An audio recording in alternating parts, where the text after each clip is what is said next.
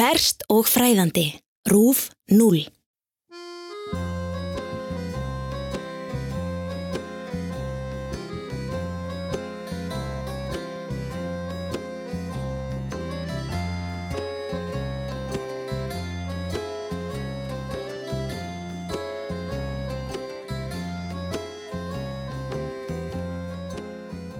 Þjóðmenjasafn Ísraels ríkis stendur á skójivaksinni hæði í miðborg Jérúsalem, ekki langt frá öðrum mikilvægustu stopnunum ríkisins, þjóðþinginu Knesset, stjórnaráðinu, landsbókasafninu og hestarétti.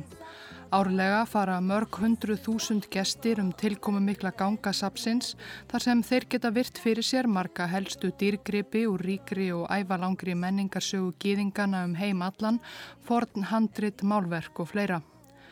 En allra dýrmætustu munir sapsins eru keimtir neðanjarðar undir kvítu kvolfþaki í byggingu sem kölluð er helgidómur bókarinnar. Þar eru geimt sjálf Dauðahafshandritin sem fjárhyrðar fundu í hellum við strendur Dauðahafsins árið 1946.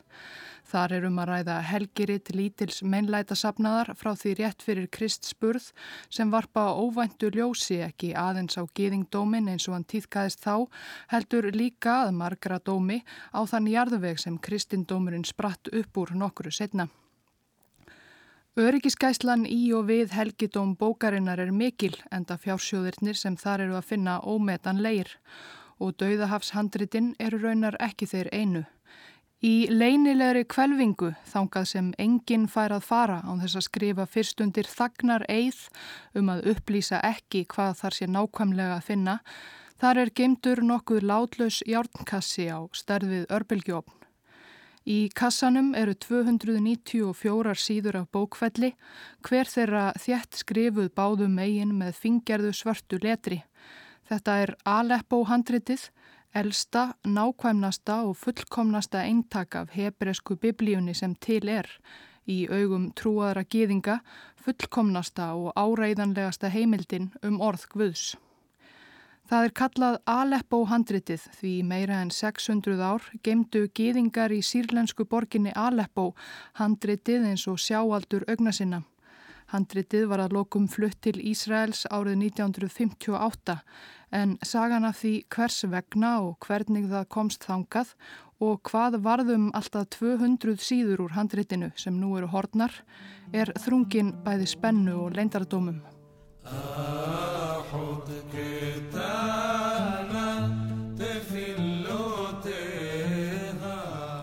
Það er ekki sérlega lífvænlegt í Aleppo um þessar mundir Þar hafa verið háðir einhverjir mannskæðustu bardagatnir í sírlensku borgarstyrjöldinni, ótal óbreyttir borgarar tínt lífi og stór hluti borgarinnar er rústir einar.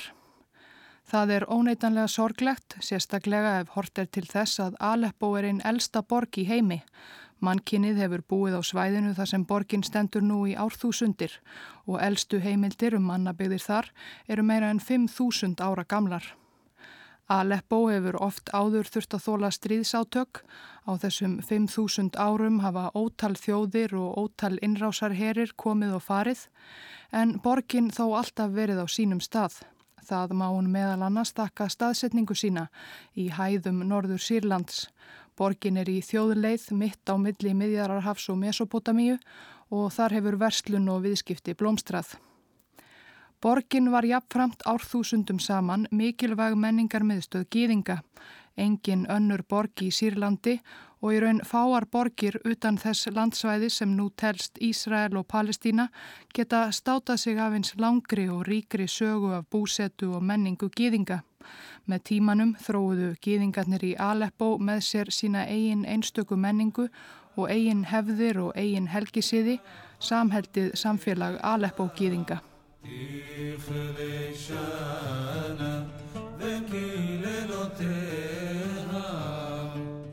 Til Aleppo kom handritið sem nú er kent við borgina engu tíman um miðja 14. öld. Saga handritsins fyrir þann tíma er ekki sérlega vel kunn. Það var skrifað engu tíman á tíundu öld, líklega í Tíberías á vestuströnd Galileu vats. Handritið hafði að geima öll helstu helgiritt gýðingdómsins, Tóran eða Mósebækurnar 5 og 19 ritt til viðbótar og það var ritað með það fyrir augum að vera sérstaklega nákvæmt, handrit sem skrifarar gætu haft til hliðsjónar við ritun næstu biblía. Vitað er til þess að söpnuður svo kallara Karaita gýðinga kefti það um hundrað árum eftir að það var ritað og gemdi í sínagóku sinni í Jérúsalem. Í fyrstu krossferð Evrópumanna til landsins Helga á 11. öld fór krossfara líður ráns hendi um sínagókuna og stál handritinu. Ríkir gýðingar í Kæró í Egiptalandi borguðu krossförunum síðar fúlgur fjár í lausnargjald fyrir handritið. Það var í einhverju af sínagókum Kæróborgar sem Moses Maimonides, einn helsti trú og heimsbyggingur gýðingdómsins, stúteraði handritið.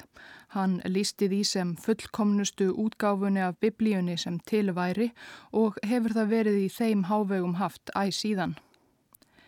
Hvernig handritið komst að lokum til Aleppo er óvíst. Kanski hafa einhverjir afkomendur Maimonidesar fluttað með sér þangað þegar þeir settust að raði í blómlegu geðingasamfélagi borgarinnar. Handritið varð fljótt eitt helsta djástn Aleppósku geðingana, kölluð Drottning Aleppó. Þeir geimdu það í kyrfilega læstri járnkistu í neðanjarðar kvelvingu undir sínagókunni miklu í borginni. Í Aleppo trúðu menn því raunar að þetta væri meira en bara biblíuhandrit. Handritið var talið búa yfir galdramætti. Það var sagt að konur sem litu það augum erðu samstundis þungaðar og að hver sá sem stæli handritinu eða seldi það ætti yfir höfði sér bölfun og það sem var allra verst að ef bókin yfirgæfi dvalarstað sinn í sínagókunni miklu í Aleppo myndi hryllileg pláa gjör eigða samfélagi gýðinga í Aleppo. Til að undirstryka þetta hefur verið ritað efst á nokkrar síður handritsins. Þetta handrit er heilagt jafi, selji það ekki eða sörgið. Bölvaður sé sá sem stelur því og bölvaður sé sá sem selur það. Og bölvað sé samfélagið í Aleppo ef það yfirgefur borgina.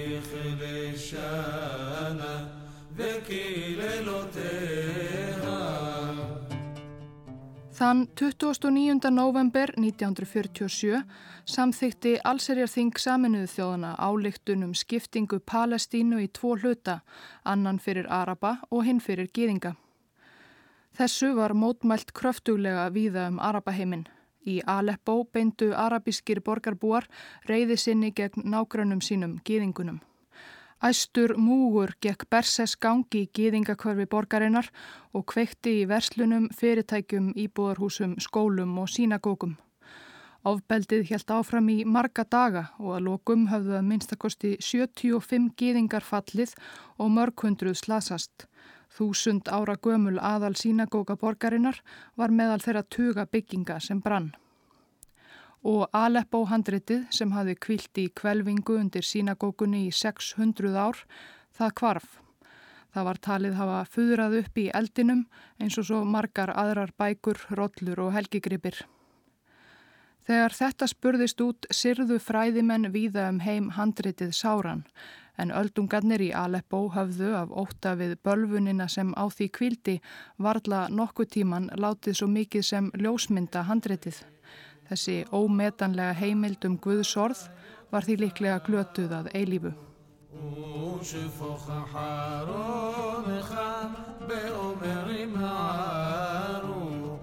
En fræðimennir þurftu ekki að gráta, því handritið brann ekki. Eftir sínagókubrunan í Aleppo spurðist ekkert til handritsins í tíu ár, en allan þann tíma var það í örugri en leinilegri geimslu. Vörður sínagókunar hafi náða bjarga því úr lógunum á sínum tíma og faldi það árum saman. Það var rík ástæða til.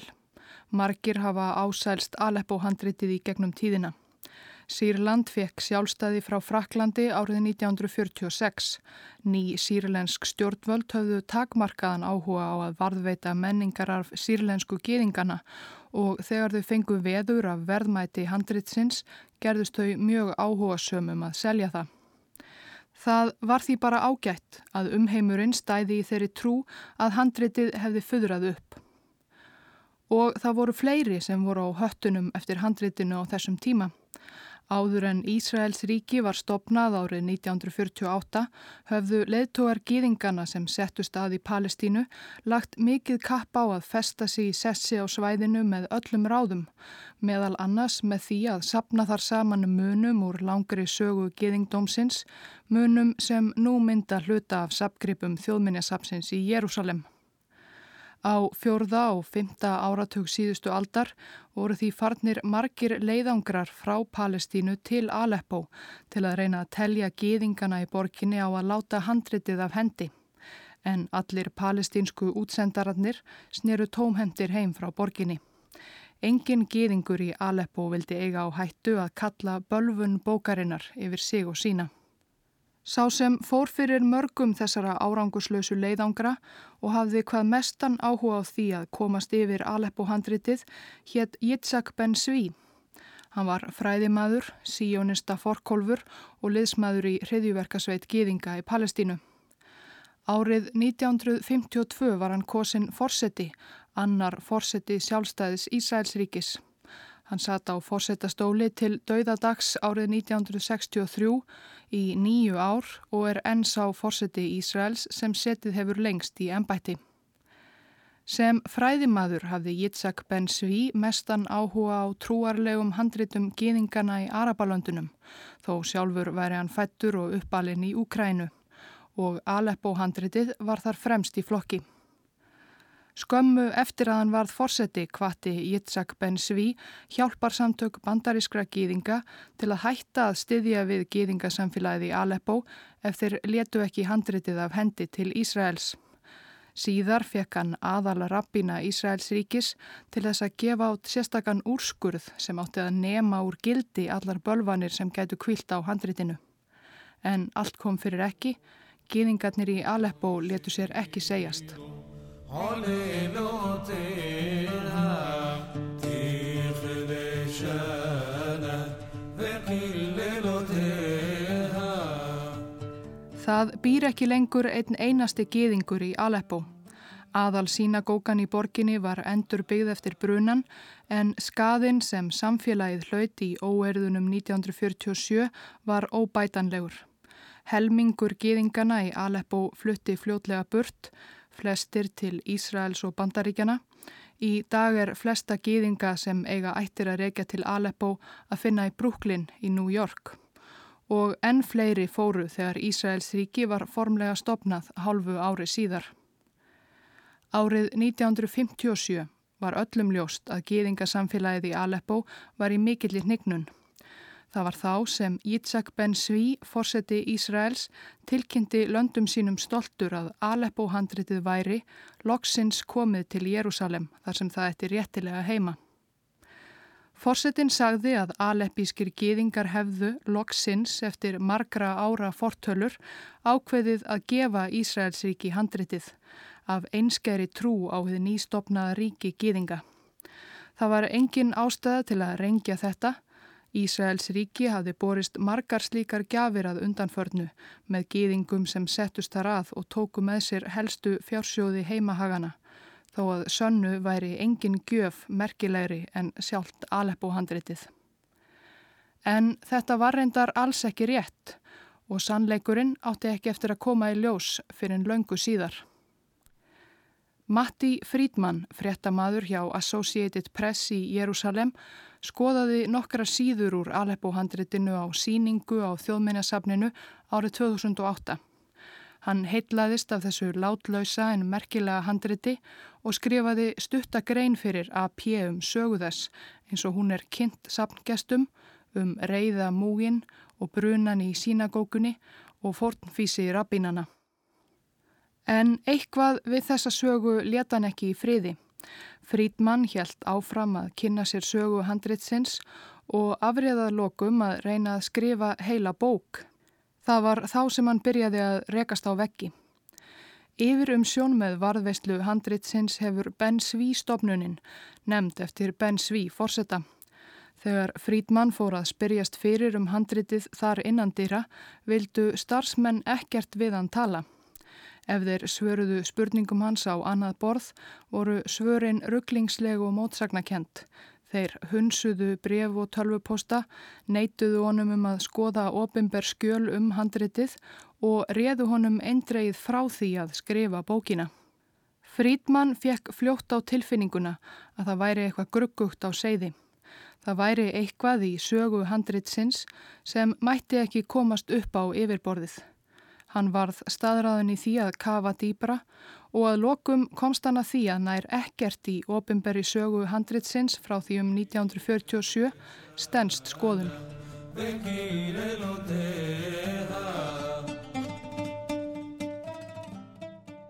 Árið 1957 tóku tveir æðstu rabbínar Aleppo borgar erfiða og sársaukafulla ákverðun. Stjórnvöldum í Sýrlandi virtist æg meira uppsigað við gýðinga og samfélag þeirra var smátt og smátt að hverfa. Þeir óttuðust að bráðum yrðu engir gýðingar eftir í borginni og hver átti þá að gæta djást þeirra, drottningarinnar af Aleppo, sjálfs Aleppo handritsins. Þeir ákvað því að koma handritinu til Ísraels. Þar byggu orðið margir gýðingar frá Aleppo sem myndu gæta bókarinnar. Rabbínarnir hugsuðu sem svo að þeir hlitu að sleppa við bölfunina þar sem handritið yrði enni í eigu og umsjá aleppískra gýðinga þó svo að hún yfirgefi borgina sjálfa. Og hverju átti pláan sem bölfunin mælti áum svo sem að tortíma úr þessu. Það var lítið eftir af áður blómlegu samfélagi. Rabbínarnir tveir urðu að fara að öllu með gátt. Sýrlensk stjórnvöld gyrndust handritið. Ísraelsk stjórnvöld gyrndust handritið og ótal fortgripasalar voru sömuleiðis á höttunum eftir því með allar klær úti. Þeir fengu í lið með sér manna nafni Murat Faham, kaupsíslumann sem hafði ákveðið að flytja til Ísrael. Hann tók þetta verkefni gríðarlega alvarlega og sagði í rappinunum að hann væri reyðubúin að hætta lífi sínu til að koma handritinu úr landi. Kvöldið áður en Murat Faham átti að leggja af stað með fjölskyldu sína og búslóð áleiðist til Ísraels bankaði maður upp á hjá honum með handritið ómetanlega. Kona Fahams tók að sér að fela það, hún vafði því inn í grísjur og teppi og stakk svo vöndlinum inn í þvottavélina. Fyrirmæli Fahams voru að færa aðal rabbína Aleppo-gýðingana í Ísrael handritið. Raunin varð önnur. Leið Fahams og fjölskyldu lág fyrst til Tyrklands þar sem hann hafi mælt sér mót við tvo menn. Mennirnir voru útsendarar Ísraelsku leinithjónustunar Mossad. Mossad hafi einhvern veginn fengið veður af því að flytja eftir handritið til Ísraels. Kanski hafi Faham sagt þeim það sjálfur og þeir hafðu lofað honum gulli og grænum skóum við komuna til Ísraels ef hann leti handritið af hendi. Útsendararnir voru með í för þegar Faham kom í landi í Ísraelsku hafnarborginni Haifa nokkrum dögum síðar og í stað þess að hann færi með handritið til aðal rabbinans frá Aleppo þá lendi það á skrippborðinu hjá engum öðrum en Yitzhak Ben Svi, Ísraels fórsetta.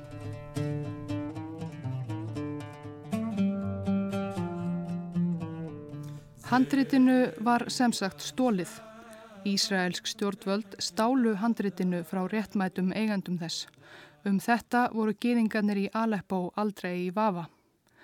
Í áspyrjun 1958 stemdu leðtógar Aleppo geðingarna í Ísrael stjórnvöldum og kröfðust þess að fá handritið aftur.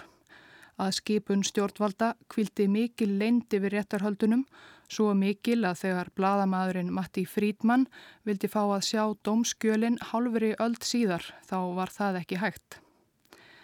En það voru aldrei neinar líkur á því að Ísraels ríki afhendi handritið þegar það var einu sinni búið að koma klónum í það. Réttarhöldunum lauka á því að gýðingarnir í Aleppo sættu sig við það að nokkrir fulltrúar þeirra tækju sæti í sérstakri nefndum verndun handritsins en handritið er því framvegis í eigu og umsjá stopnunar Bens Vís. Svikarinn Murat Faham grætti ekki mikið á því að taka þátt í plottinu. Gullið og grænu skógana sem honum hafi verið lofaðir við komuna til Ísraels fekk hann aldrei. Honum gekk ítla að þóta sig og flutti eftir nokkur ár slippur og snauður til bandaríkjana. Hann var bitur og fannst hann hafi verið hlunfarinn. Hann skrifaði ótal bref til Ben Sví Forsetta og annara ráðamanna þar sem hann krafðist þess að ríkið viðurkendi það sem hann kallaði hetulegan þáttsinn í björgun handritsins. Hann krafðist þess meðal annars að nafn hans yrði ritað á sjálft handritið.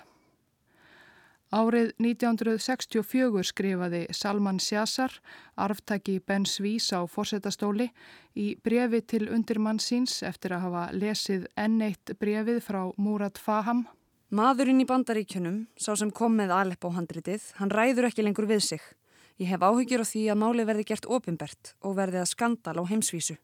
Hvað var það sem Murat Faham vissi sem fórsetin hafði áhyggjur af því að myndi verða að skandal á heimsvísu? Var það bara sannleikurinn um hvernig Ísraelsk stjórnvöld hrifsuða úr greipum gýðingana í Aleppo? Eða vissi Faham kannski eitthvað enn meira sem ekki mátti spyrjast út?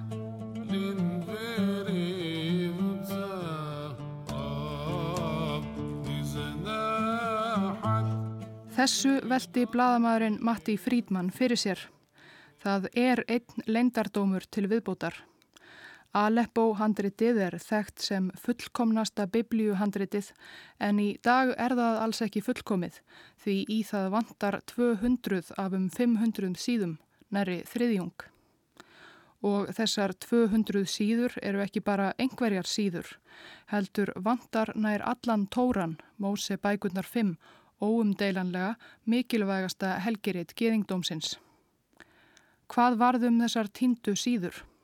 Jú, eins og allir vita sem hafa lesið um handritið í bæklingum þjóðmenjasapsins í Jérúsalem, þá brunnu þær með aðal sínagókunni í Aleppo eftir óerðirnar miklu 1947. Það er í raun undravert að það hafi tekist að bjarga handritinu úr þeim miklu hamförum. Bara því miður ekki alveg í heilu lægi. Á mörgum þeirra síðina sem eftir eru eru dökkir blettir þar sem eldtungurnar voru nærri búinar að læsa sig í þær. Þetta var hinn ofinbera skýring. En á nýjunda áratug síðustu aldar var loksins ráðist í það á þjóðminnasafninu að gera við handritið. Þó gýðingarnir í Aleppo hefðu gætt þess vel var það aðeins farið að láta á sjá en það verða þúsund ára gamalt. Eitt af því fyrsta sem viðgerðar maðurinn uppgötaði var að dökku blettirnir á síðunum sem eftir voru. Þeir voru alls ekki brunaskemdir, heldur var þetta miklu sveppur. Á síðum handritsins fannst ekkert sem bendi til þess að það hefði skemst í bruna. Hvernig gæt það verið? Hvað hafði þá orðið um síðurnar 200 sem vandaði? Þó það hafi ekki farið hátt hefur þetta verið rannsakað. Grunur fjall fyrst á Aleppo búana sjálfa. Þeir hlutu að hafa tekið síður úr rétinu Helga til handargags eftir sínagókubrunan 1947 og lumi nú á þeim. Útsendarar Ben Sví stopnunarinnar, margir þeirra gamlir leinithjónustumenn úr Mossad, þrættu samfélög Aleppo gýðinga um allan heim í Panama, São Paulo, Buenos Aires og New York og grömsuðu í handriðageimslum sínagóka en fyrir utan örlítið slitur úr síðu sem gamall maður í Brúklinn gekk með í buksnavassanum hvert sem hann fór. Hann hafði rekist á það í öskurústum sínagókunar í Aleppo sem ungur drengur og gemt í áratögi, þá fundu þeir ekkert. Svo grunurinn beintist annað. Fjölmarkir vottuðu það við eftir grenslan að handritið sem sveikarinn Murat Faham afhendi Ísraelskum yfirvöldum á höfninni í Haifa árið 1957 það hafi verið heilt. Engar síður hafi vantað þá. Þær hljóti því að hafa horfið eftir að handritið kom til Ísraels. Forstuðumadur Ben Sví stopnunarinnar á þessum tíma hétt Meir Benayahu. Hann var rómaður handritafræðingur og náinn aðstóðarmadur Ben Sví fórseta. Meir Benayahu let skindilega af störfum í stopnuninni árið 1970 án þess að nokkur ástæða væri tilgreint ofinberlega. En það gekk orðurómur um það hvers vegna hann let sér hverfa. Það var sagt að um árabil hefði Meir Benayahu notfært sér stöðu sína og stólið ótal ómetanlegum handritum sem stopnunin fjekkað gjöf. Meir Benayahu var meðfram fræðastörfum sínum stórtækur bókasapnari og seldi og kefti fornbækur og handrit í stórum stíl. Afkomendur hans eiga enn í dag eitt stærsta sapn hebreskra fornrita í enga eigu. Það hefur aldrei verið sannað að Meir Benayahu hafi stólið rítum af stopnuninni sem hann fór fyrir. Málið var þakkað niður, rannsókn sem áttið að fara fram var kæfði í fæðingu af sjálfum forsetta Ísraelsríkis. Og hvort Benayahu hafi þá stólið úr sjálfu Aleppo handritinu, það veit sömuleiðis engin. En hvar er þá Aleppo handritið í dag? Í bóksinni sem kom út árið 2012 ræðir Matti Frídmann meðal annars við Ísraelskan kaupsíslumann og auðmann að nafni Slómo Musajev, föður Dorritar Musajev. Slómo sapnar fornmunum og hefur sérstakarn áhuga á biblíutengdum munum. Hann lísti því fyrir Frídmann þegar, einhver tímanum meðjan nýjunda áratögin, hann stóði í fordýri Hilton Hotelsins í Jérúsalem og tveir strángtrúaðir gýðingar gáfu sig á talveðan. Hann þekkti annan þeirra, sá hétt Hæm Snebalg og var fornbókasali.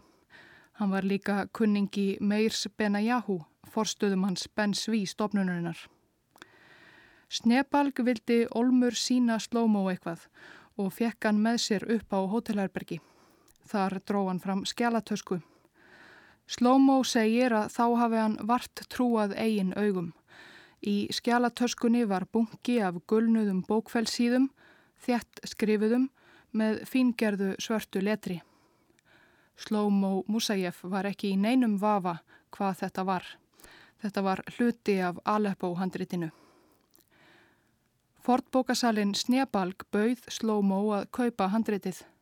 Slómó fannst verðið of hátt og reyndi að prúta en þá hikaði Snebalg, hætti við viðskiptinn og let sig hverfa.